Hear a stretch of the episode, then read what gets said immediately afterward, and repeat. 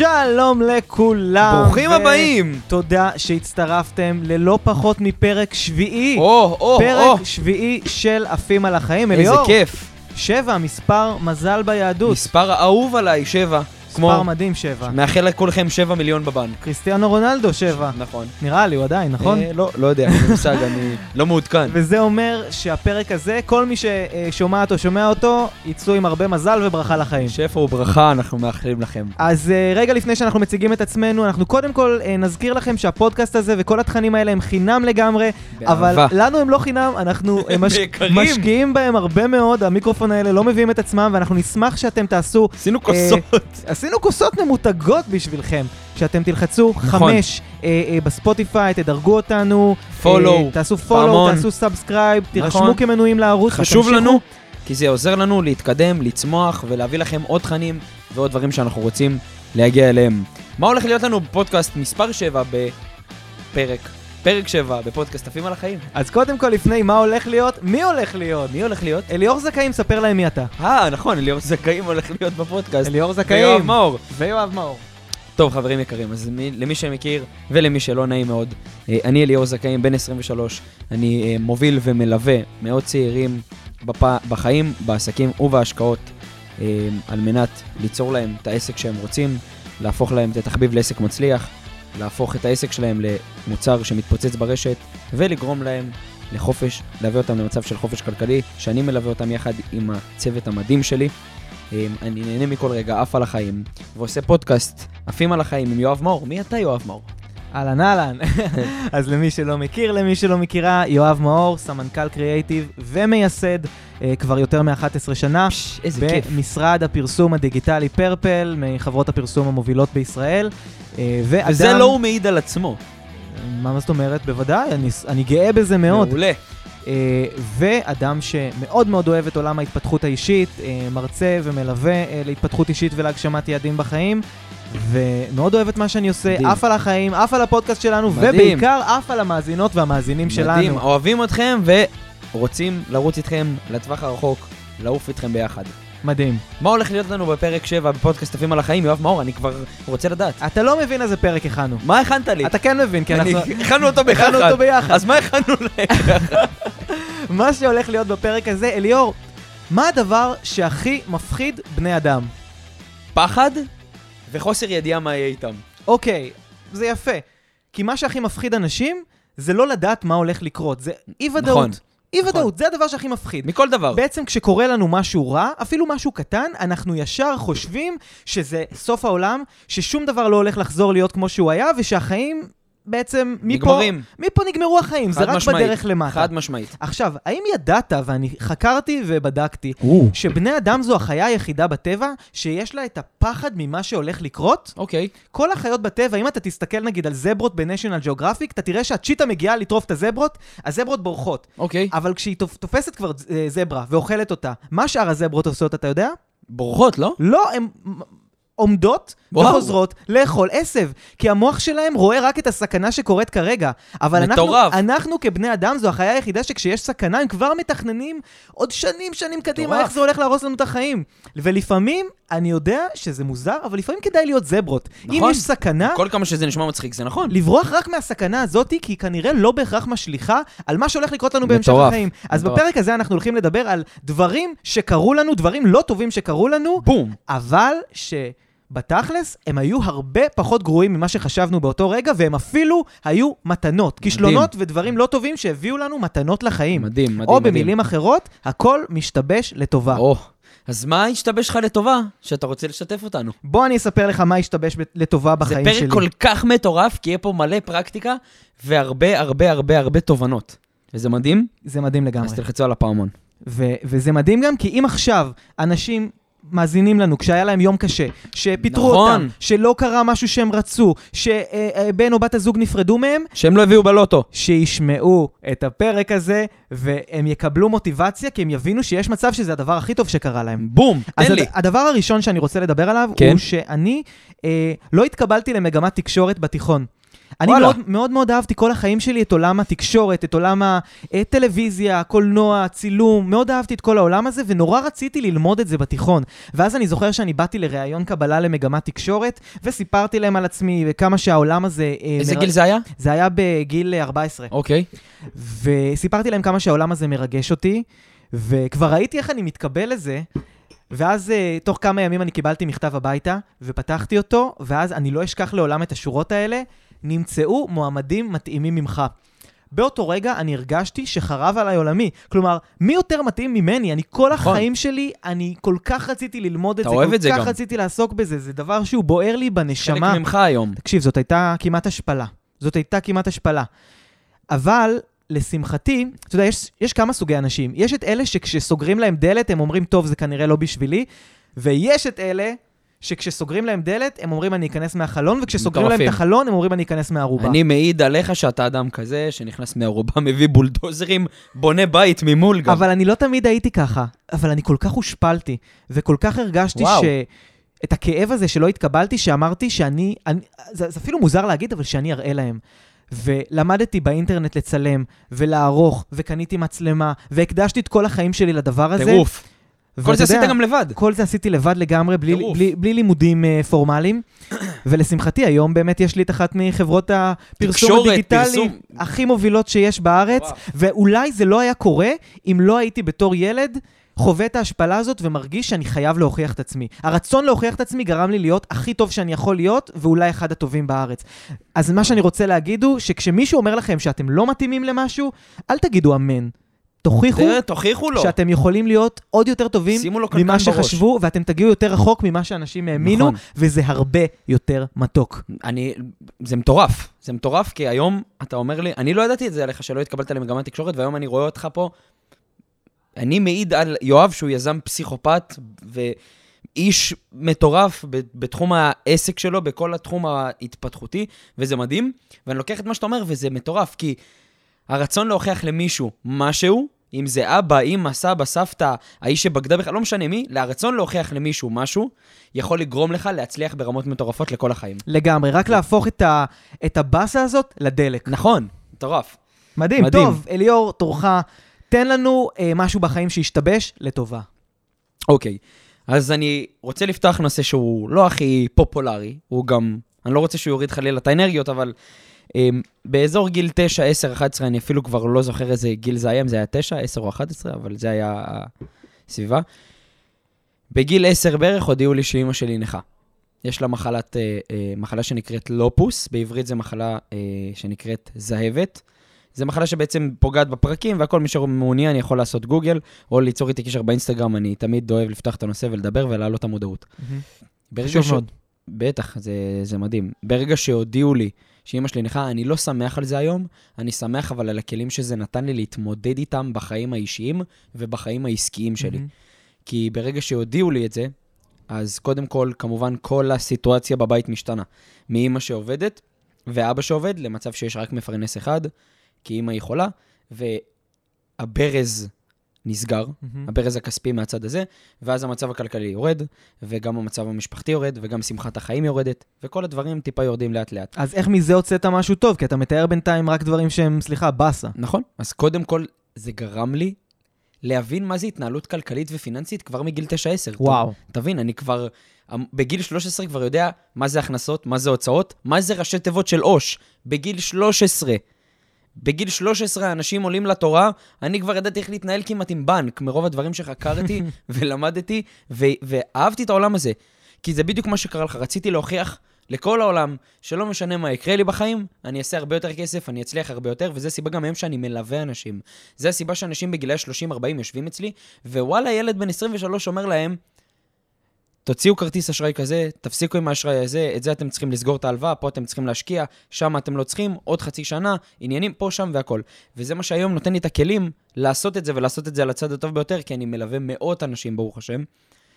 וזה שאימא שלי קיבלה מחלה שגרם לה להיות נכה לכל החיים, גרם לי היום להיות בן אדם סופר פרודקטיבי וסופר מצליחן, ואני מרשה להגיד את זה על עצמי, כי זה נותן לי את האופציה להבין שגם בדברים הרעים שיש, אתה יכול להסתכל בנקודת זווית קטנה, קטנה, קטנה על האור שיש, ומשם לפתח את האור הזה.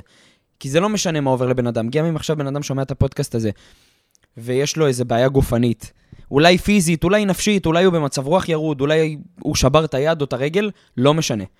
זה עניין של זמן עד שזה יעבור, וגם אם זה לא יעבור, אתה תלמד לחיות, או את תלמדו לחיות עם זה, ואתם תנצחו את זה, אך ורק אם אתם תרצו.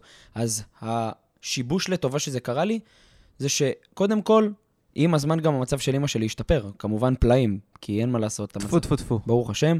אה, גם המצב הכלכלי שאני יכול היום לתת ו- מעצמי מלא, כי אני אוהב לעשות את זה.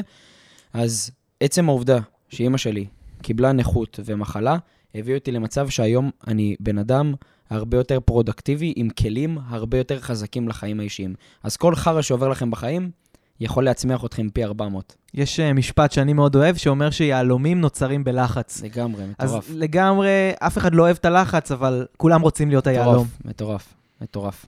מדהים. טוב, אני לא רוצה להריד את האנרגיה. זה באמת הכלי הפרקטי. ויאללה, אה, בואו נחזיר את האנרגיה. ממחלה אחת נעבור למחלה אחרת, קורונה. שמעת על זה, נכון? מכיר. אה- אהובה עליי, האמת. שלום. שלום. כן. שמענו על זה קצת לאחרונה. קצת, קצת הרסה לנו כמה דברים. תראה, כמה חודשים לפני הקורונה העסק שלי היה במקום הכי טוב שהוא היה יכול להיות בו אי פעם. אוקיי. אנחנו בדיוק חגגנו תשע שנים, אנחנו עשינו אירוע עם אוכל ושוקולדים ופונדו ובלונים, והיינו וואו. 25 עובדים במשרד. למה לא הכרתי אותך לפני? הכי הרבה עובדים שהיה לנו אי פעם. כן, הייתי מזמין אותך לפונדו. אה, והיינו באמת במצב מדהים, היו לנו לקוחות מדהימים, בדיוק התמזגנו עם עוד משרד. היה באמת... היה חלום. גן עדן. היה גן עדן, גן אני, עדן. אני קמתי לחיות את החלום. ואז פתאום מתחילים לדבר בתקשורת על, אתה זוכר שעוד זכרו איפה כל בן אדם הלך, ועוד נכון. דיברו על איזה חנות ההוא מי עם היה, הפיראט האדום, עניינים, שחזר, הלך. ואנחנו כבר הבנו שזה לא הולך למקום טוב, ואכן תוך כמה ימים, כל הטוב הזה נעצר כשמודיעים שהמשק מפסיק. אני מגיע למשרד ואני רואה במייל שלי עשרות הודעות מלקוחות של הקפאת עבודה. וואו. כל הלקוחות באים ואומרים בעצם שעכשיו לא יודעים מה קורה, אז וואו. רגע עוצרים את העבודה. כי הרי סגרו את המשק, וואו. סגרו את הקניונים, נכון. החנויות סגורות, אין מה לפרסם. א- א- איך זה משתבש לטובה? אני חייב להבין. באותו רגע אתה לא, אתה לא חושב איך זה ישתבש לטובה, באותו רגע אתה מרגיש שחרב עליך עולמך, שמפעל החיים שלך נגמר, וניסיתי לשכנע את עצמי שזה טוב שזה נגמר ככה בגלל מה שנקרא כוחות ואיתני הטבע, ולא בגלל שאני כן. עושה עבודה לא טובה. אבל זה לא באמת מרגיע אותך לא באותו עודד רגע, אותך. כשאתה מרגיש שאתה צריך להוציא את העובדים שלך לחל"ת, ושאתה צריך אולי לחפש עבודה חדשה. אבל קודם כל, הדבר הראשון שעשיתי אחרי שסיימתי לפחד ולהתבאס, זה לעשות שיחת טלפון עם uh, מישהו שהיה קואוצ'ר שלי באותה תקופה. מדהים. אני בהחלט חושב שכל אחד חייב שיהיה לו פסיכולוג או קואוצ'ר. כל אחד. כל אחד שרוצה חד להצליח. משמעית, אני לגמרי מסכים איתך. והוא אמר לי משהו יפה. כמו שאתה אומר לעצמך, הקורונה תהרוס לי את העסק, אתה יכול באותה מידה בדיוק להגיד, הקורונה זו ההזדמנות הכי גדולה בחיים שלי. אמרתי לו, איך, איך אפשר להגיד דבר כזה בכלל? זה רק אדם שהשתגע יגיד כזה נכון. דבר. והוא אומר, למה? אתה החלטת שהקורונה תהרוס לך את החיים. תגיד, הקורונה זה הדבר הכי טוב שקרה לי. באותו רגע אמרת את זה? כשאני הולך לקואוצ'ר, אני עושה מה שהוא אומר לי, אוקיי. גם אם אני לא מאמין בזה. אמרתי לעצמי כמה פעמים, הקורונה זה הדבר הכי טוב שקרה לי. הקורונה זה הדבר הכי טוב שקרה לי. הקורונה זה הפאקינג דבר הכי טוב שקרה לי. כשאתה אומר את זה מספיק פעמים, מחשבה מייצרת מציאות, ויותר מזה, מילה מייצרת מציאות. אוקיי. וכשאתה אומר את זה, זה הופך להיות המציאות. מה זה מסורת? משהו שדיברנו עליו מספיק שנים. עד שהוא אה, הפך מדור לאמונה. לדור, עד שהוא הפך למשהו אמיתי שאנחנו לא יכולים בלעדיו. נכון. אז זה בדיוק העניין, פשוט להגיד לעצמך את זה מספיק, ואחרי שאמרתי לעצ- לעצמי את זה מספיק, התחלתי לעשות פעולות פרקטיות, ולשמחתי גם היו לי שותפים מדהימים איתי ביחד בדבר הזה, והתחלנו אז איך זה השתבש לטובה בעצם? להסביר ללקוחות שלנו שהקורונה זה הדבר הכי טוב שיכול לקרות להם, כי הרי כל המתחרים שלהם כנראה גם הפסיקו את הפעילות. זו הזדמנות מדהימה בשבילם מדהים. לעשות פעילות שיווקית שהם היחידים שמפרסמים, וכולם בבית, בטלפונים, בסמארטפונים, יראו אותם. ככה גאון שיווק חושב. גאוני. ואכן, זאת הייתה השנה... גאוני. זה לא היה קל, אבל זאת הייתה השנה אולי הכי טובה של העסק שלנו. חברות שעובדות איתנו הגיעו לנתונים פסיכיים בהשקעות לא מאוד גבוהות, מטורף. עפו עליך גם יותר. סיימנו את השנה הזאת ב- ברווח, מה שהיה אמור להיות כמו מדהים. הפסד צורם, היה, הפך להיות רווח מאוד מאוד גדול, ואני פשוט הבנתי מזה, הרי בסוף מה שיצא מזה זה לא רק כסף, זו ההבנה שגם כשהעולם נראה כאילו נחרב, זה לא סוף העולם. נכון. אתה רק צריך להגיד לעצמך מספיק שזאת הזדמנות. וכל ברגע- דבר שתגיד לעצמך, באמת יהפוך להיות המציאות. כן. כי באותו רגע זה יכול, אה, מבחינתך זה סוף העולם. אבל בזווית ראייה שונה, רק התחיל המשחק. ודרך אגב, זה. נכון לכל דבר. אם אתה רב עם חברה שלך, ואתה מרגיש שאתה לא אוהב אותה באותו רגע, אתה אומר לעצמך, היא הבן אדם הכי מדהים בעולם, היא הדבר הכי טוב שקרה לי, אתה אומר לעצמך את זה מספיק. אתה מאמין בזה עד שהיא. נפרדת ממך. לא. עד שאתה באמת רוצה להביא לה נכון. איזה בוסה. אז חבר'ה, בסבסו את הבת זוג עכשיו. בסבסו. מדהים. אבל מדהים, לפני מדהים. הבסבוסים, אליאור, הכדור עובר אליך. מגניב, מגניב, מגניב. טוב, מה השתבש לטובה? כיתה י"א, חברה ראשונה, בוגדת בי. לא נעים. לא, לא נעים בכלל. כאילו, אם עיסוי ספא או למצוא את החברה בוגדת בך, הייתי הולך על הראשון. סביר להניח שגם אני. אבל אתה יודע, החיים מביאים אותנו למקומות אחרים. אז בא... לא היה לי יותר מדי כסף. אה, המצב הכלכלי לא היה, וואו, אתה יודע, לפעמים בדיוק בגלל המקרה שדיברתי עליו מההתחלה. איך המצב הכלכלי קשור לזה שהיא בגדה בך? כי הסטטוס, זה, זה לא קשור, זה משהו שבעצם גרם לערעור הביטחון, הביטחון העצמי שלי. אה, אתה לא הכי מקובל, אתה לא נראה הכי טוב, אתה בא עם אותה, די עם אותה חולצת בית ספר כל הזמן, עם אותו ג'ינס. אה, הגענו למצב שאנחנו כאילו חברים, אתה יודע, זה כיף כזה, זה מרגיש בפעם הראשונה. ואז עם הזמן גיליתי שהיא פשוט בגדה בי. איך גיליתי את זה? הגעתי אליה הביתה, ופשוט ראיתי אותה עם מישהו אחר, הכי קד שיש. מה וואו. גרם לי שזה ישתבש לטובה? זה, זה אחת המתנות הכי טובות שקיבלתי כל החיים שלי. כי אם מישהי לא מספיק נאמנה לי, זה שיעור מדהים עבורי על איך להיות נאמן כלפי אנשים אחרים. אתה אומר, מה שאני חוויתי, אני מה לא אתן לאף אחת. מה ששנוא עליך, אל תעשה לחבריך, בדיוק. אלא אם כן הוא לא חבר שלך, אז אתה יכול לעשות לו חופשי, סתם. אבל זה נתן לי שיעור כל כך מטורף בכיתה י"א על חשיבות של בגידה, ואני, בוא אני אגיד לך גם משהו, זה בגידה בכל מערכות היחסים. זה בגידה היום עם שותפים עסקיים, זה בגידה עם משפחה, עם בת זוג. הערך העליון שלי היום במערכות יחסים הוא הרבה יותר גבוה בזכות המקרה הזה. מהמם. אם אני היום ארצה לעזוב או לפרק שותפות עם שותף, אני אדע לבוא ולדבר איתו על הדברים ולא לעשות לו דברים מאחורי הגב, או עם בת הזוג, ו- בכל הפרמטרים בחיים. וזה שהיא בגדה בי בכיתה י"א, נתן לי בוסט של שיעור מטורף עם כלים מטורפים. אבל כמו שאמרת, באותו רגע אתה לא רואה את זה. באותו רגע אתה בבאסה. באותו רגע הערך העצמי שלי נופל לרצפה. באותו רגע אני אומר לעצמי, אתה מבין? אין לך כסף, אתה לא שווה כלום. אפילו בת זוג, אין לך איך לכלכל את המצב שלכם, לצאת לסרט, ובגלל זה אתה לא שווה כלום. חמש שנים אחרי זה אתה במקום לא נורמלי בחיים, עם... בוא אני אגיד לך באמת, פחות דאגות כלכליות היום יש לי, ואני יכול לאפשר לעצמי מה שבא לי, ברוך השם, וזה נתן לי שיעור על איך להתמודד במערכות יחסים בעולם העסקי ובעולם האישי. אז תודה לך. תודה, זה יפה, יש בזה משהו מאוד אצילי אפילו, זה ת- באמת בלהודות תודה למי. שפגע בך. נכון. מדהים. הכל משתבש לטובה. כדור, אצלך יואב מאור. בון, זה פרק, תקשיב, זה, זה, זה פרק זה מטורף. פרק שנותן ככה... חבר'ה, לאכול משקופים אחרי זה. כאילו, כשיהיה- זה לי יום קשה, אני אאזין לפרק הזה. בדיוק. שמרו אותו ב save ופעמון. תזכיר להם על הפעמון רגע, ליו- ל- לדנה ששומעת עכשיו את הפודקאסט. לדנה וליונתן, שימו כולם. פעמון, פעמון, subscribe, וגם ככה בחינם. להגיב לי על התמונת פרופיל, אתה נראה טוב, מה כואב לכם? כן, לא מבין. טוב, אה, אז אה, הסיפור השלישי שלי, שהשתבש לטובה, אה, גם מעולמות בית הספר. אני אף פעם לא הייתי תלמיד כל כך טוב, והייתי אפילו קצת עם בעיות קשב וריכוז. ואני גיליתי שמה שעוזר לי להישאר אה, מרוכז בשיעורים, ואיכשהו עדיין קצת מקשיב למורים, זה לצייר בשיעור. אה, אז אה, כל שיעור הייתי מצייר במחברת, אוקיי. וככה הייתי, הייתי מעביר את הזמן, ככה הייתי גם אה, מקשיב, ובאמת... שורף את הימים בבית ספר. שורף את הימים בבית ספר ונהנה קצת. אה, באיזשהו שלב אפילו למד, אפילו אה, אה, הפכתי את הציור הזה לקריירה, כשבמהלך התיכון הייתי מצייר זוגות שהיו שולחים לי. תמונות שלהם ועושה מהם הזמנות חתונה. אתה מבין שכבר אז היית יזם. כן, אתה מבין שזה כן, יזמות. תמיד, תמיד היה לי את זה זה, מדהים. אבל אה, אה, זה התבטא גם בזה שלא כל כך התעניינתי בשיעורים. המוח שלי תמיד הלך למקומות אחרים. נכון, המוח מצא מקום. אתה יודע, הפרעות קשב. וריכוז זה, זה גם מתנה מאוד מאוד גדולה. הפרעות קשב וריכוז, יש לי סרטון על זה, זה הברכה של הבן אדם. ברכה מדהימה. אבל זה לפרק אחר. אבל, אוקיי, אז אה, התחלת לצייר? באותו, באות, כשאתה ילד אתה לא יודע שהפרעות קשב וריכוז נכון, זה ברכה, ברור. והמורים מאוד מאוד דואגים לה, לה, לגרום לך להרגיש שזה משהו בכלל לא בסדר.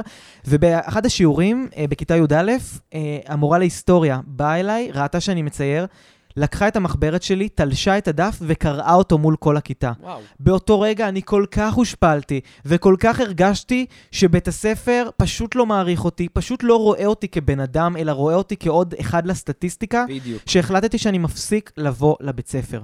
ובאמת כבר... איזה כיתה? זה היה בי"א. ואכן מאותו רגע כמעט... אולי באותו יום בגדו בי. יכול אוקיי. להיות. נו. כיתה י"א, שמתי לב שזו תקופה מקוללת אצל המון המון אנשים. כן. אמ, והחלטתי שאני פשוט לא סומך על בית ספר שייקח אותי לשום מקום בחיים, כי הוא לא רואה אותי, הוא לא רואה את מה שחשוב לי, הוא לא רואה את הכישרונות שלי, לגמרי. הוא לא רואה את מה שבאמת מעניין אותי. אמ, ופשוט הפסקתי לבוא והתחלתי ללמוד מהבית, מהמחשב בבית, באינטרנט, אה, איך לבנות אתרים, איך לצייר במחשב, איך אה, לעשות עבודות בפוטושופ. ממש אוקיי. לימדתי את עצמי את הדבר הזה, ולאט לאט גם באמת התחלתי לעבוד בזה, והתחלתי להרוויח כסף, ופתאום בתיכון אני מתחיל לעשות סכומים מציור ומעריכת וידאו ומהזמנות איזה לחתונות. כיף, איזה התחלתי כיף. להרוויח בתיכון סכומים כמו 10,000 ו-15,000 שקל וואו. בחודש. התחלתי לקנות דברים שלא חלמתי כמה שנים לפני כן שיהיה לי בגיל הזה. וואו. את היכולת באמת לקנות אותו. קניתי רכב ספורט עם גג פתוח באזור גיל 20, כלומר, אני צברתי כל כך הרבה רק מזה שלימדתי את עצמי איך לעשות כסף, ולא מתוך זה שישבתי בשיעורים ו- ו- ועשיתי את המבחנים והלכתי קולט? במסלול הרגיל. אתה קולט איזה טירוף מה, מהמצב שהיא ערערה אותך ברמות מטורפות, הביטחון שלך, למצב שאתה בחיים שונים אחרים. לגמרי. זה בחיים עכשיו, שונים. אני לא רוצה שישתמע, כאילו ברור. אני אומר לאנשים לא להשקיע בלימודים. חשוב להשקיע, חשוב נכון, ללמוד. נכון. אבל יותר חשוב להבין מה מעניין אתכם ולהשקיע בעצמכם ובהתפתחות האישית שלכם, ואת זה בית הספר לא ייתן. נכון, גם אנחנו לא יכולים להגיד לבן אדם עכשיו אם לעזוב את הבית ספר או לא, כי זה כל אדם הוא נורא אינדיבידואל בפני עצמו. לגמרי. כל אדם הוא במקום שונה לגמרי, בחיים. והמון דברים גם טובים למדתי בבית ספר בשנים המוקדמות. נכון. אני לא יכול להגיד שלא, אבל כן, לגמרי זה לימד אותי שבית הספר לא ידאג לי, ושאני חייב לקחת את עצמי בידיים וליצור את העתיד שלי. מדהים. וזה אולי אחד הדברים שגרמו לי לרצות כל כך להיות עצמאי. מדהים, מדהים. והנה, היום אתה עצמאי, בעל כן. עסק, בעל חברה, דואג לעצמך. ויותר מזה, אתה גם דואג כל יום, לאו דווקא גם לעצמך, גם לסובבים איתך, ו- וגם למאזינים ששומעים את הפודקאסט הזה. ואני אגיד לך את הדבר הכי מדהים, כשעובדים... אני, אני מדהים, כן. אתה מדהים. אתה כשעובדים, תודה.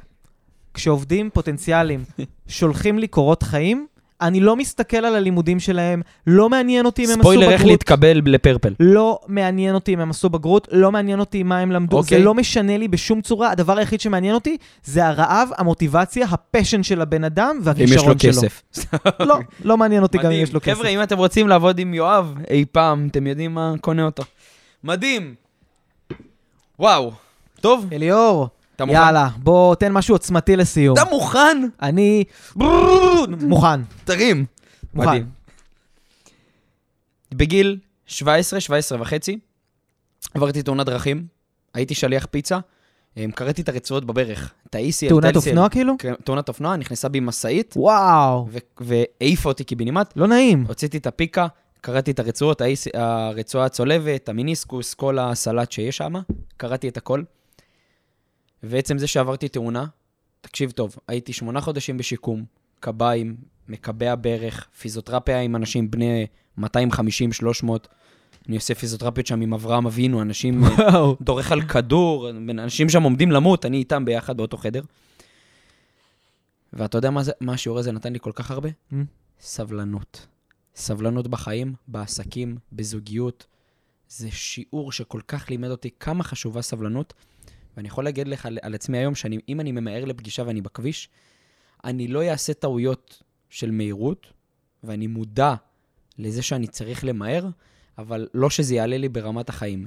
כי אם על עוד שקל, 2, 3, 4, הגברתי 40-50 את המהירות בשביל להגיע ללקוח יותר מהר, הבנתי שזה לא שווה את זה. והבנתי שסבלנות משתלמת מאוד בחיים, וסבלנות בהתפתחות האישית שלך ובעסקים שלך ובמערכות היחסים שלך ועם הבן זוג או בת הזוג שלכם, משתלמת. וואו. כמו שאתה בנית חברה והיא לא לקח לה שנה, שנתיים, שלוש, לקח לה לתפוס זמן, תאוצה, ניסיון. אותו דבר אצלי גם בעסקים. וזה זה מטורף, כי פתאום אני אומר לעצמי, באותו רגע שעשיתי את התאונה, רציתי למות. באמת, יואב, הייתי על אתה מרגיש, וואו, זה נשמע הי- נורא. אני הייתי על הכביש, מרוח, שתי חברים באו לאסוף אותי, אני לא אשכח את זה, עם מזדה. הייתי מרוח על הכביש. פחדתי להזמין אמבולנס, כי לא היה לי כסף גם לשלם 700 שקל אמבולנס, אז אמרתי להם שיבואו לאסוף אותי. הייתי מרוח על הכביש, שבור גמור, הודיעו לי שאני צריך לנתח את הברך, כי האזור הזה לא מתאחה, ש, שבצבא יורידו לי את הפרופיל, עניינים מלא סבטוחה.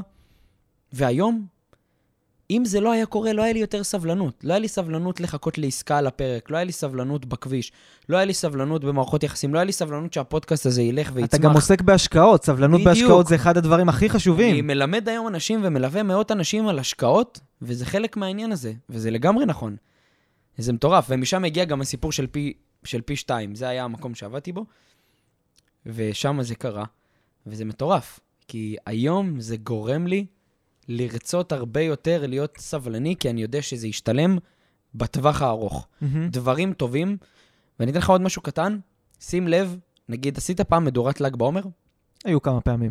שמת לב איזה טעים התפוח אדמה ששמים אותו בתוך המדורה? בטח. מדהים. למה? כי הוא מתבשל לאט-לאט, באש מאוד חזקה. עם הזמן התהליך שלו נהיה הרבה הרבה יותר בשל ובשל ובשל ובשל, ואחרי שעה, שעתיים, התפוח אדמה יש לו טעם של גן עדן. זה, המשל הקטן הזה כל כך נכון. רק מוכיח כמה לדברים טובים פשוט לוקח זמן. לגמרי. וואו, מטורף. אז אני בטוח שאנשים מטורף. ששמעו את זה עכשיו, אם, אל... אם אתם אלרגיים לגלוטן, אל תאכלו תפוחי אדמה, אבל. אם- אבל...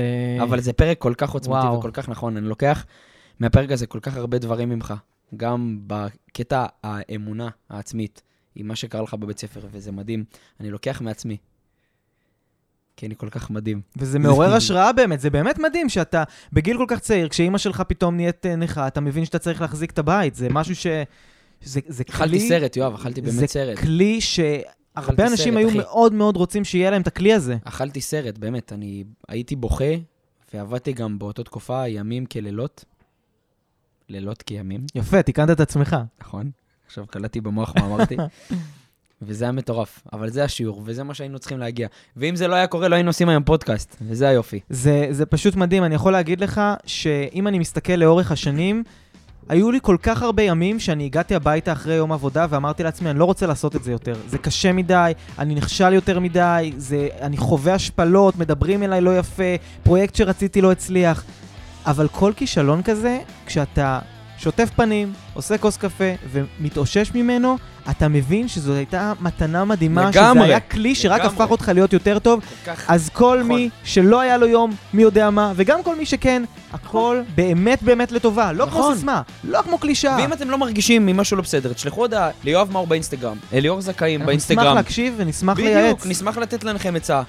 פרק 7, פודקאסט עפים על החיים, יואב איזה מאור, פרק, תודה איזה רבה על פרק הכל. מדהים, איזה פרק אופטימי. תודה על השיעורים, תודה לך. היה מדהים. תודה תודה לך. לעצמי, תודה ליוראי, על שמנצח לנו על כל ליוראי הכלים. הטכני שהביא פה את המיקרופונים ומחייך ו- וצוחק פה מאחורי ועוזר הזה. לנו ומקים לנו את כל הדבר. יואב. מאור, נתראה בפרק הבא.